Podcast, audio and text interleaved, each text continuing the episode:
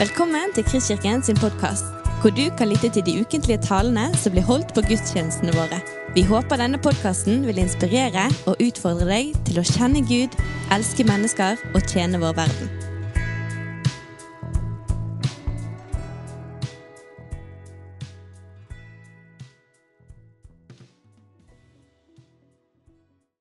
I denne serien her så skal vi innom en del ulike underoverskrifter. I dag er overskriften som Leif Tore var inne på, 'Har vi gode nyheter'? Det enkle svaret er jo ja. Kunne liksom, da kunne jeg gått ned, og så var vi ferdig. Eh, vi skal selvfølgelig bruke litt mer tid.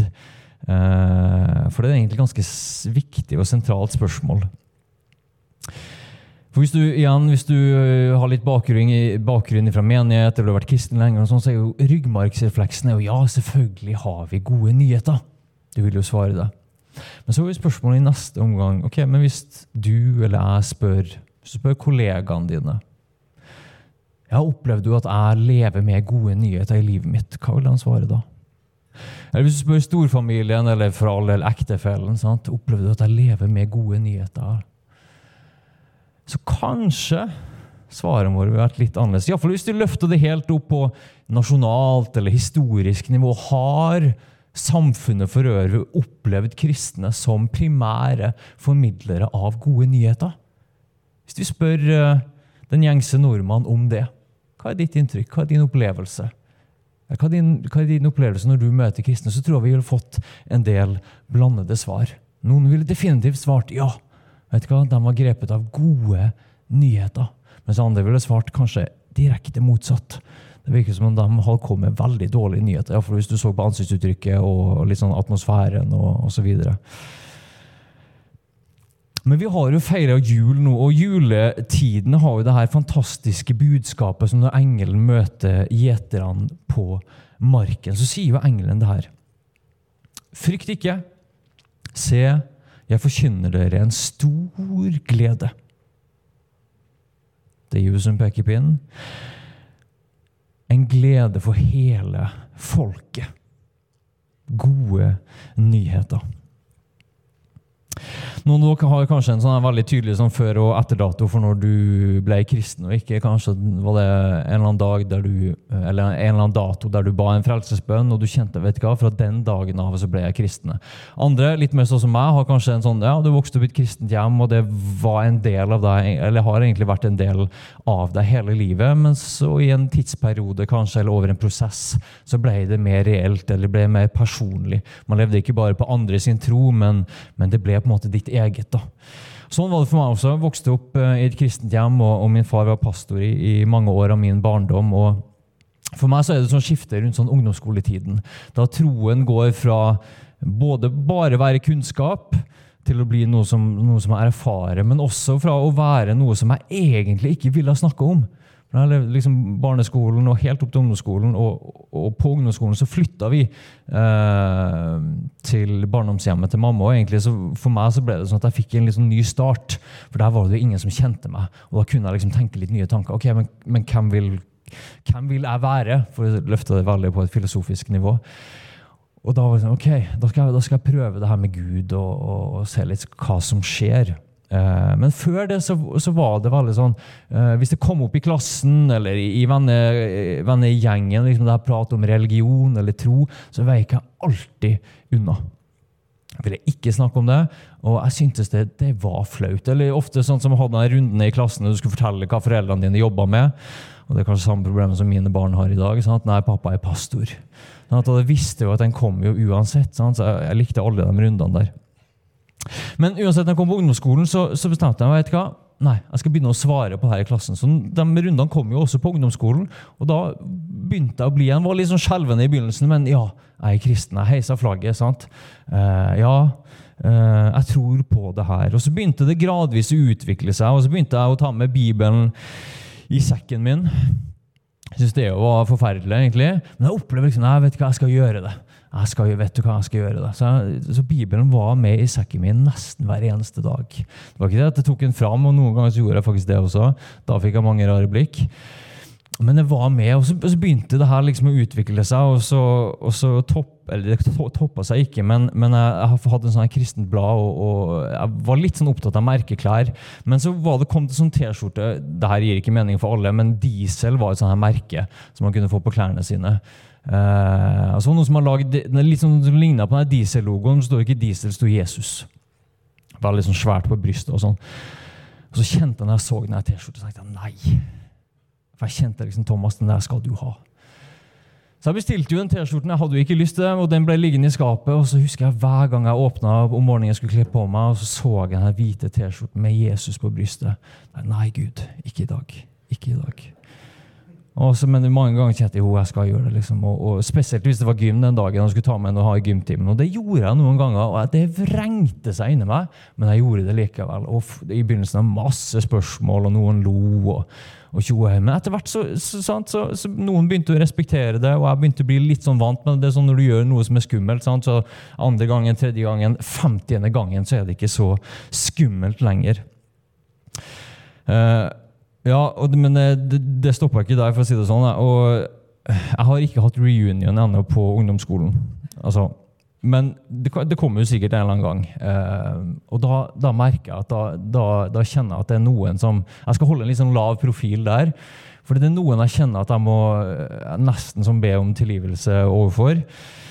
Uh, og Iallfall hvis jeg møter den gamle læreren mine. For jeg, det her utvikler seg. Og så er jeg litt sånn som type at, uh, at hvis jeg først liksom har jeg trenger liksom å forstå og se hele bildet. Så hvis jeg først har sett det, så kan jeg ha en sånn tendens til å liksom dra det helt ut. Og det gjorde jeg det og det skjedde masse bra, men det skjedde også en del ting som, som jeg ikke er så stolt av i dag. Og, og En ting av det var jo at vi når jeg skrev stiler og sånn i norsk eller engelsk, så begynte jeg liksom å kjenne nei, vet du hva, Gud forteller meg at jeg skal, jeg skal liksom, jeg må evangelisere til læreren også. Um, så jeg begynte å avslutte hver stil. da, med, Jeg husker ikke alltid hva jeg skrev, men det var typisk sånn at Gud har en plan for ditt liv. Gud elsker deg. Bare du ber til Han og bekjenner dine synder, så vil du bli frelst. Skrev det på slutten av stilen, og så, ra, og ramma det inn Må jeg skrive en sånn firkant rundt. Så hvis Irene av en eller annen grunn ser på her nå, så beklager. Hjertet var jo veldig godt, selvfølgelig, men det er ikke alltid at uh, intensjonene er, uh, selv om de er gode, at det er nok. Um, jeg ble faktisk kalt inn på møte med, med denne læreren og inspektøren for de skulle snakke om akkurat det her. Jeg opplevde veldig sånn, og nå ble jeg forfulgt for troen min, og sånn, men jeg skjønner jo egentlig hvorfor de gjorde det. Og igjen, Jeg er ikke sånn superstolt av det her, men, men, jeg hadde en annen kompis som altså jeg var skikkelig ivrig. Jeg hadde en annen kompis som spurte om jeg skulle bli med og se kino, se Fast and Furious. Det er en sånn bilfilm, og ja, den har noen innslag som du gjerne ikke er sånn superkristen, men det er samtidig ikke den verste filmen du kan se. Og Så fikk jeg spørsmål på meldinga skal du bli med på kino. Og så, og så fant jeg fram det her det står i første eller andre Peters brev, eller hva det er, at vi skal være hellige liksom Gud er hellig. Og det her tror jeg jeg har sagt før, og Så sendte jeg det bibelverset tilbake til han. At jeg skulle iallfall ikke på kino, for vi skal være hellige. Og Han var jo kristen også, så han burde jo skjønne hva han holder på med. Poenget mitt er at midt oppi alt det gode som skjedde, og, og, og, jeg kom faktisk overraskende godt ut av en del av de relasjonene som på ungdomsskolen. Men mye av det jeg holdt på med, ble dømmende unaturlig. Jeg kjente jo det, det var skikkelig unaturlig, men jeg beit det i meg. Det ble keitete. Og jeg slappa ikke av, for å si det sånn. Jeg var litt smågal, eh, og en del av det eh, var jo bra. Men en del av det også ville nok gjort annerledes i dag. Jeg skilte meg godt ut. Vi skal lese en tekst i dag som står i 2. Korinterbrev kapittel 5 og vers 11-21. Hvis du har med deg Bibel, så ta gjerne og bla opp eller telefonen din 2. Korinterbrev kapittel 5 vers 11-21. skal vi lese en, et, et, avsnitt der Paulus skriver om at han sjøl var litt smågal, eh, men så legger han ut også evangeliet for oss. Og så skal vi eh, grave litt i det sammen og, og finne litt sånn eh, Ja, har vi gode nyheter? Det var 2. Korinterbrev, kapittel 5, vers 11-21. Så da leser jeg. Fordi vi kjenner ærefrykt for Herren, prøver vi å overbevise mennesker. Men vårt liv ligger åpent for Gud. Jeg håper at det også ligger åpent for dere, så dere kan kjenne oss. Vi vil ikke enda en gang anbefale oss selv for dere, men vil gi dere anledning til å være stolte av oss, så dere kan svare dem som skryter av det de er i det ytre og ikke i hjertet. Har vi vært i ekstase, var det for Gud. Er vi ved sans og samling, er det for dere. Og hør etter. For Kristi kjærlighet tvinger oss. Vi vet at en er død for alle, derfor er de alle døde. Og han døde for alle, for at de som lever, ikke lenger skal leve for seg selv, men for ham som døde og sto opp for dem. Så kjenner vi ikke lenger noe bare på menneskelig vis. Og har vi før kjent Kristus på menneskelig vis, så kjenner vi ham ikke lenger slik. Nei, den som er i Kristus, er en ny skapning. Det gamle er borte, se, det nye er blitt til. Men alt er av Gud, Han som ved Kristus forsonte oss med seg selv og ga oss forsoningens tjeneste. For det var Gud som i Kristus forsonte verden med seg selv, slik at han ikke tilregner dem deres misgjerninger. Og han betrodde budskapet om forsoningen til oss. Så er vi da utsendinger for Kristus, og det er Gud selv som formaner gjennom oss. Vi ber dere på Kristi vegne, la dere forsone med Gud. Han som ikke visste av synd, har han gjort til synd for oss, for at vi i ham skulle få Guds rettferdighet. Du kan egentlig bare lese det her fem ganger og så gått ned, for det er ufattelig. Uh, og det som Metta har kommet på ingen måte til å rekke over uh, teksten i dag, men kanskje kan du bruke teksten til å, å, grunne over og lese mer når du kommer hjem. Men jeg har lyst til å gjøre noen poeng likevel ut av teksten. Og Det første jeg har lyst til skal se på sammen med meg det her Jesus, nei, Paulus sier For Kristi kjærlighet tvinger oss. Der tror jeg vi får den første nøkkelen. Har vi gode nyheter? For hva er det som driver Paulus?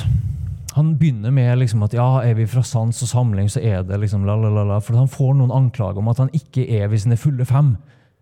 Han blir forfulgt. Han hadde en, en, en han var, altså, Før han ble kristen, eller før han møtte Jesus, han var jo på en perfekt karrierestid. Han hadde sittet ved den beste rabiaen i Israel. Han var, liksom, han var skikkelig han var skikkelig på vei. da.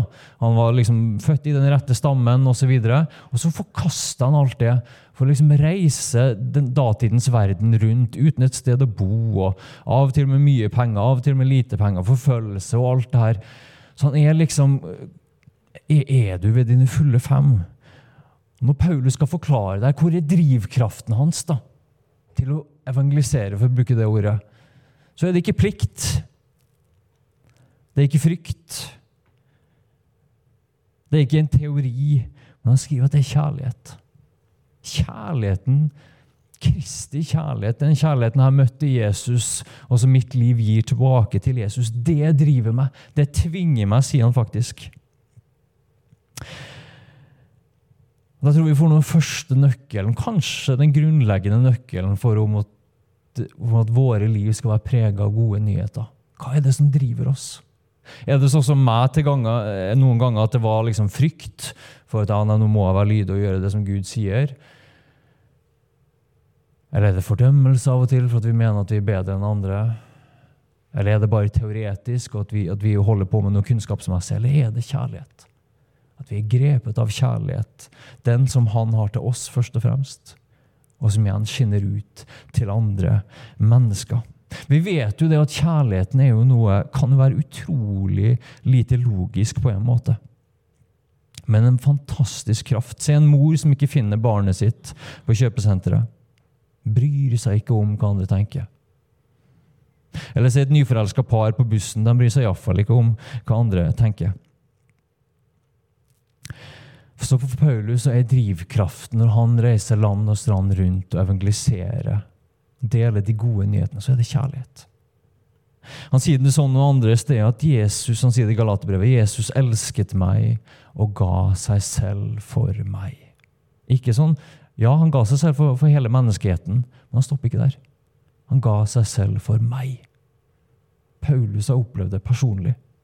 Når Jesus steg opp på det korset der, så tenkte han på meg. Det er enkelt å si at han døde for deg, eller han døde for hele menneskeheten. Men har du opplevd at du kan si det? Ja, han elska meg og ga seg sjøl for meg. Akkurat det, om du var den eneste personen som levde. Så sier han i Romerbrevet kapittel 8 ingenting. Det her kunne stoppe her og si ingenting kan skille meg fra Kristi kjærlighet. Har du, tenkt, har du tenkt over hva det betyr? Og selvfølgelig 1. Johannes Gud er kjærlighet. Så tror jeg det at hvis vi er drevet av plikt, frykt ja, og den pliktgreia den, den, tror jeg faktisk kanskje er en del reell. For det er jo en del, det, der med å dele de gode nyhetene og evangelisering er jo noe som vi burde gjøre.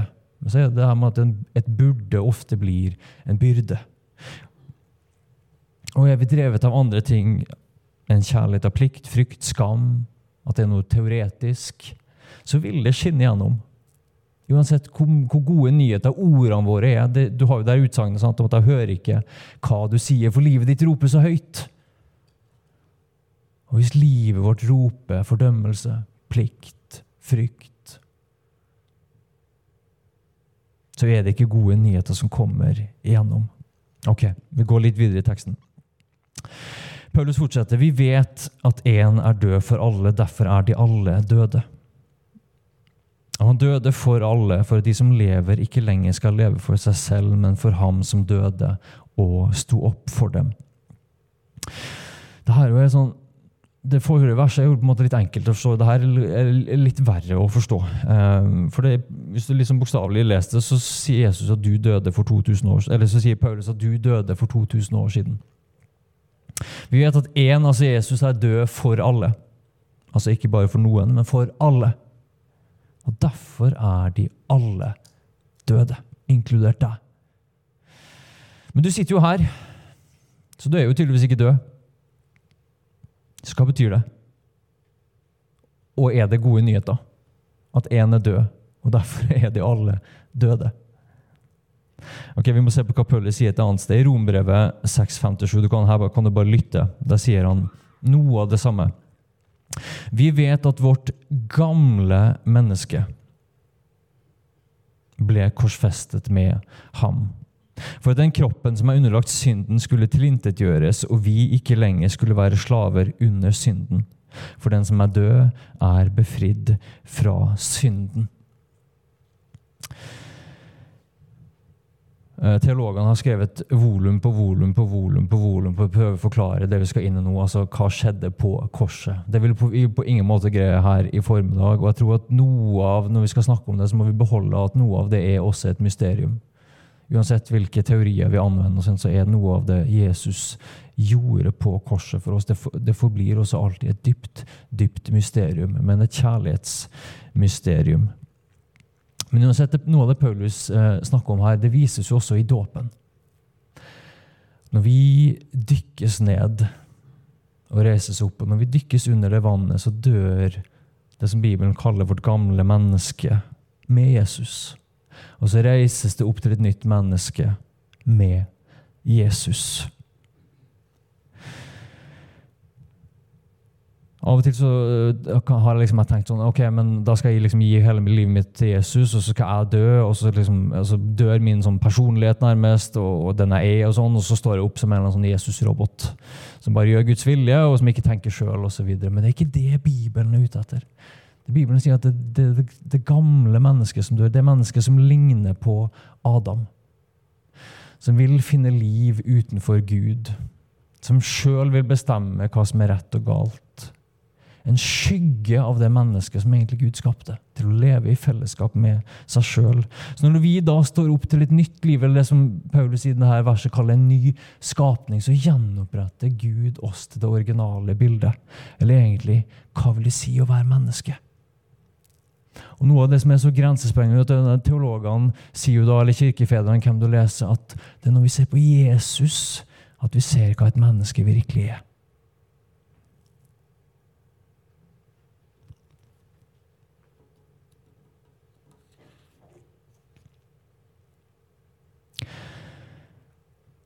Så igjen, det er vårt gamle menneske som dør. og Nå blir det litt sånn teologisk her, vi skal komme opp til overflaten om ikke så lenge. Eh, og Så sier på en måte Paulus at dette gjelder hele menneskeheten. Alt det i oss som var smitta av denne første Adamen. Det gamle mennesket, eller hva vi skal kalle det, Adam-tilstanden, som vi alle havna i.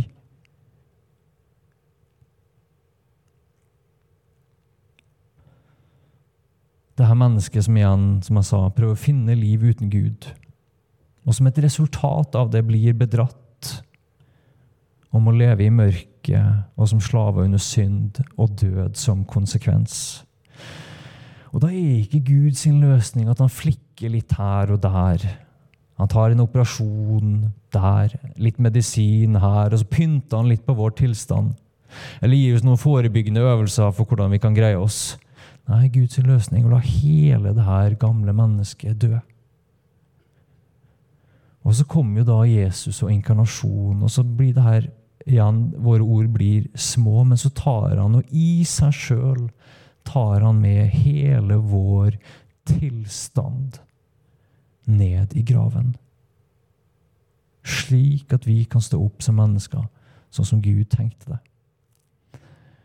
Så blir det sånn som Ireneus, en av de første kirkefedrene, sa det, at ut fra sin store kjærlighet ble han det som vi er, så vi kan bli det som han er. Så tar vi med oss et vers til fra Paulus som kaster noe lys av det her. og Jeg er klar at det blir noen sånne, noe drypp her. og, og Studer det videre hjemme hvis det er noe som ekstra griper deg. Men, men vi tar med oss også et vers um, som står i brevet rett før, da vi, vi leser dagens tekst i første, slutten av første korinterbrev.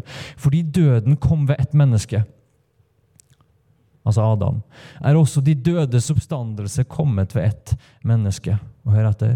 For slik alle dør på grunn av Adam, skal alle få liv ved Kristus. Det er jo helt ufattelig. Ok, eh, Vi leser siste del av avsnittet, fra vers 16, altså dagens avsnitt i andre Korinterbrev. Så kjenner vi ikke lenger noen bare på menneskelig vis. Og har vi før kjent Kristus på menneskelig vis, så kjenner vi ham ikke lenger slik. Nei, den som er i Kristus, er en ny skapning. Det gamle er borte, så det nye er blitt til. Men alt er av Gud. Han som ved Kristus forsonte oss med seg selv og ga oss forsoningens tjeneste. For det var Gud som i Kristus forsonte verden med seg selv, slik at han ikke tilregner dem deres misgjerninger. Og han betrodde budskapet om forsoningen til oss så er vi da utsendinger for Kristus, og det er som om Gud selv formaner gjennom oss. Vi ber dere på Kristi vegne, la dere forsone med Gud. Han som ikke visste av synd, har han gjort til synd for oss, for at vi i ham skulle få Guds rettferdighet. Her kommer det eh, av og til så i, i, i Bibelen når skal sitte forberede preker, sånn, en, en av liksom triksene er å liksom markere ut ord som kommer igjen. For Da kan man få fram noe av liksom, hva er som prøver å, prøves å, å kommuniseres her. Hvis hvis du, har gjort, gjort det her, så hadde du iallfall streket under forsoningen eller forsoningens tjeneste. Og Hva betyr det? Jo, altså Forsone det ligger jo litt i ordet, eller forlike, som det sto i noen andre oversettelser, det betyr jo å føre noe sammen. Noe som opprinnelig var der, kanskje, men som har blitt delt eller brutt. Det forsoner man eller det forliker man, så fører man det sammen igjen. Hvis du har knekt en fot eller en hånd, eller noe sånt, så tok de på gips, putta det sammen sånn at beinet ditt kunne forsones. Og så holder Gud på og vil gjenopprette helheten. Han vil forsone, føre oss tilbake, sammenfatte oss, koble oss tilbake til Gud, til kilden, til Han som er liv. Eller sånn som Efeserbrevet kaller det, å sammenfatte alt i Kristus. Og det her, begrepet Vi har fått forsoningens tjeneste. Det er litt sånn teologisk og det er litt sånn kristelig, men, men, men, men Smak på det. altså Vi har fått forsoningens tjeneste. Utrolig sterkt, for av og til kan det virke som vi har fått fordømmelsens tjeneste. Jeg trodde iallfall det eh, noen ganger merker jeg når jeg tenker tilbake på mitt eget liv. For Noen ganger så trodde jeg at jeg har fått fordømmelsens tjeneste, og min oppgave var å si til andre at Gud holder dine synder mot deg. Helt til du bøyer deg og ber om tilgivelse, og la, la, la, la, så holder Gud dine synder mot deg. Men det Paulus sier her, er jo helt motsatt. Du har ikke og jeg har ikke fått fordømmelsens tjeneste. Og så sier han For det var Gud i Kristus som forsonte verden med seg selv, slik at han ikke tilregner dem deres misgjerninger. Det er forsoningens tjeneste. Når sa du det til deg sjøl sist gang? Ah, takk, Gud, at du ikke tilregner meg mine misgjerninger. Når sa du det til noen andre? Vet du hva? Det er gode nyheter. Gud tilregner deg ikke dine misgjerninger. Og så er det noe paradoksalt med alt det her, for det var jo på en måte vi som skulle forsone oss med Gud. Men så står det at det er Gud som har forsont ikke bare meg og deg, ikke bare Kristkirken, ikke bare katolikkene, ikke bare det ortodokse, men hele verden med seg sjøl. Gud har tatt det første steget. Steget ned og gjort jobben. Akkurat det som vi ikke kunne gjøre. Vi kunne ikke bygge noe tårn som nådde helt til himmelen. Derfor kom Gud ned. Så i prinsippet så har Gud gjort jobben. Den jobben må selvfølgelig implementeres, og det er det som Nytestamentet handler mye om. og Hvordan du tar det som Gud gjorde, og så implementerer man det i verden. Men det får bli en, en annen preke. Men for å si det sånn som Paulus sier det akkurat her i verset 18.: Men alt er av Gud.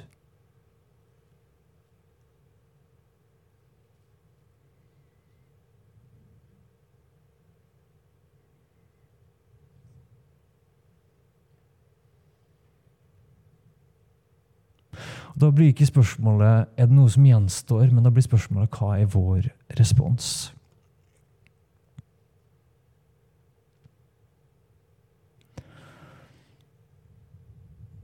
Et siste poeng fra uh, den teksten her. Paulus sier at nå ser jeg ikke lenger noen på menneskelig vis. Nå ser jeg ikke lenger bare mine, mine menneskelige øyne når jeg ser på mine medmennesker. Hva de er gode til, hva de ikke er gode til.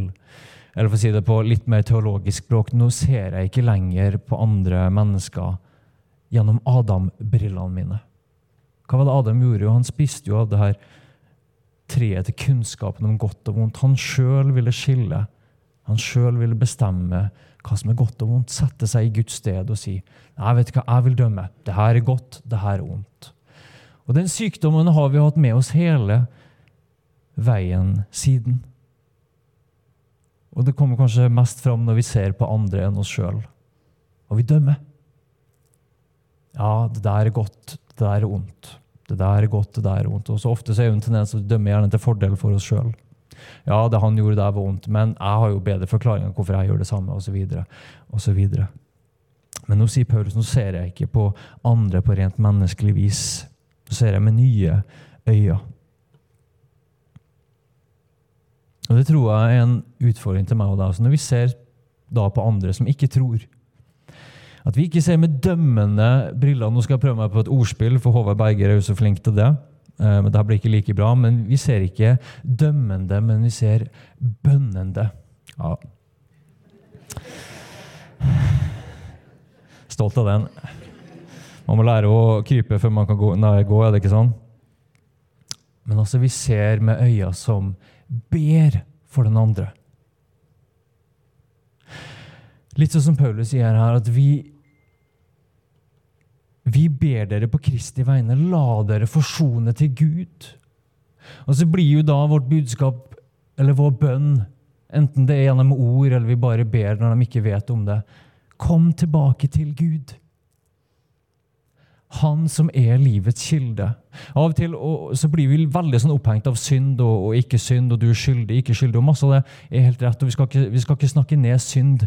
Men samtidig så kan vi av og til henge litt fast i det språket også. For hva er det som egentlig skjer? Jo, for når du fjerner deg fra Gud, så fjerner du deg ikke bare fra livet som i abstrakt, uh, som abstrakt konsept, men du fjerner jo fra Han som er livets kilde. Hva skjer med en plante, eller hva skjer med meg og deg når vi ikke har lys og ikke har sol. Sant? Du får mangelsykdommer fordi du ikke har D-vitamin. Du har kommet lenger unna livets kilde. Døden, synden, griper om seg i våre liv når vi kommer på avstand fra livets kilde, fra Han som er lys. Ikke først og fremst for Gud er så veldig opptatt av å straffe, men det er jo en konsekvens av å rett og slett fjerne seg ifra livets kilde. Derfor tror jeg også, men Det er mer sånn språklig for hva som gir mening for folk som lever i 2022 i Norge. For En del så gir det mening å snakke om synd, for andre så er det ja, hva i alle dager er det? Men snakker du om mørke? Snakker du om at du merker konsekvensene av ja, av mørke, og at livet er ikke alltid sånn som det skal være? Mangelen på håp. Snakker du på den måten som egentlig som, som Johannesevangeliet kapittel 1 er full av? At vi levde i mørket, men så kom Han som er verdens lys. Og så er det en invitasjon til å komme inn i lyset og få liv igjen. Og Da blir ikke spørsmålet er det noe som mangler. Nei, spørsmålet igjen blir vår respons. Vil vi åpne oss for Han, slik at Han kan gjøre sitt verk i oss og gjennom oss? Og så lever vi jo i en sånn smittesituasjon. Sant?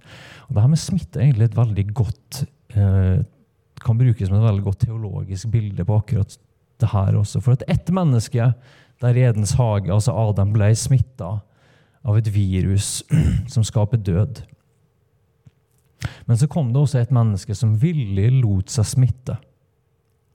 Men istedenfor at død ble det endelige resultatet, så bekjempa han viruset i sin egen kropp. Og nå smitta han verden med liv. Det hadde vært veldig praktisk om det var sånn med korona også. Som med en gang noen fikk antistoff, og så smitta de like fort som noen smitta med sykdom. Det har vært veldig praktisk. Men det er egentlig sånn teologisk så er det sånn Jesus holder på. Han smitter nå med liv. Men for at vi skal bli smitta av han, så må vi komme nær. Vi må innenfor den smittesonen. Og vi må være der mer enn 15 minutter for å bli smitta av liv. Av Jesus Kristus. Og Derfor er det, derfor er det gode nyheter til meg og deg. At vi kan komme til Jesus og bli smitta. Og det er også den gode nyheten jeg og du kan gi til andre. At vi kan invitere flere til å komme til Jesus og bli smitta. Ikke først og fremst for at du liksom skal få liksom saken din altså, ja, Jeg skal ikke snakke ned det, for saken i orden med Gud alt det er kjempeviktig. Men Gud vil liv. Han kom for at vi skulle få liv og liv i overflod, sier Jesus. Og Det var derfor han skapte oss. Til liv og fellesskap med seg sjøl. Så kjærligheten er drivkraften, folkens. Gud har gjort jobben. Og vi kan komme til Han og få liv hver eneste dag. Og vi kan være med å lede andre dit på veien.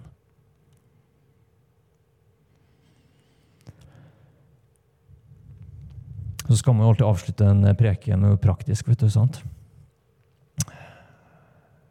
Da har jeg, jeg har faktisk et par punkt. og det er Har du tid til å bli smitta av Jesus i din hverdag? Og det her sier jeg like mye til meg sjøl også. Har jeg tid til å sette meg ned til å finne litt rom, litt tid, der jeg kan sitte og kjenne Kristi kjærlighet, som skyller over meg, som skyller over mine bekymringer, som skyller over mine mangler, som skyller over min synd, som skyller over mine sår, som skyller over min kraftløshet. Har jeg tid til det til å sette meg ned der og bli smitta? Jeg vil utfordre deg til det. Finn noe tid, gjerne hver dag, til å bli smitta av Jesus. Enten når du setter deg ned og bare lytter til noe musikk, eller du setter deg ned og leser i Bibelen, eller du setter deg ned og ber litt, uansett hva du gjør. Ikke gjøre for Jesus, men være med Jesus. Det andre er hvordan ser vi på andre rundt oss? Ser du på med rent menneskelige øyne, med de her gamle Adam-brillene som hele tiden dømmer hva som er rett og galt i andre sine liv? Eller ser du med et bedende blikk at der er det også noen som Jesus døde for, som er skapt i hans bilde. Og så vil jeg også en siste ting utfordre deg også. I januar og februar nå, gjerne, gjør det gjerne kjapt, skulle jeg si, men, men be Den hellige ånd om å vise deg to-tre personer som kanskje du i løpet av januar og februar skal be spesielt for. Huske spesielt på. Sende noen meldinger til. Bety noe ekstra for. Stoppe opp ekstra ved postkassen når du møter vedkommende. For Av og til kan vi tenke liksom, ja, den og den skal liksom dele evangeliet med, men så ser kanskje Gud enda tydeligere. Eller kanskje, han gjør det. Hvem som er klar. Så be Den hellige ånd vise deg to-tre personer som, som du kan be ekstra for, bety noe ekstra for, eh, i starten av dette året. Du har lyttet til en podkast fra Kristkirken i Bergen. Vi håper du har blitt inspirert og utfordret i din vandring med Gud. Vil du vite mer om oss, så klikk deg inn på kristkirken.no.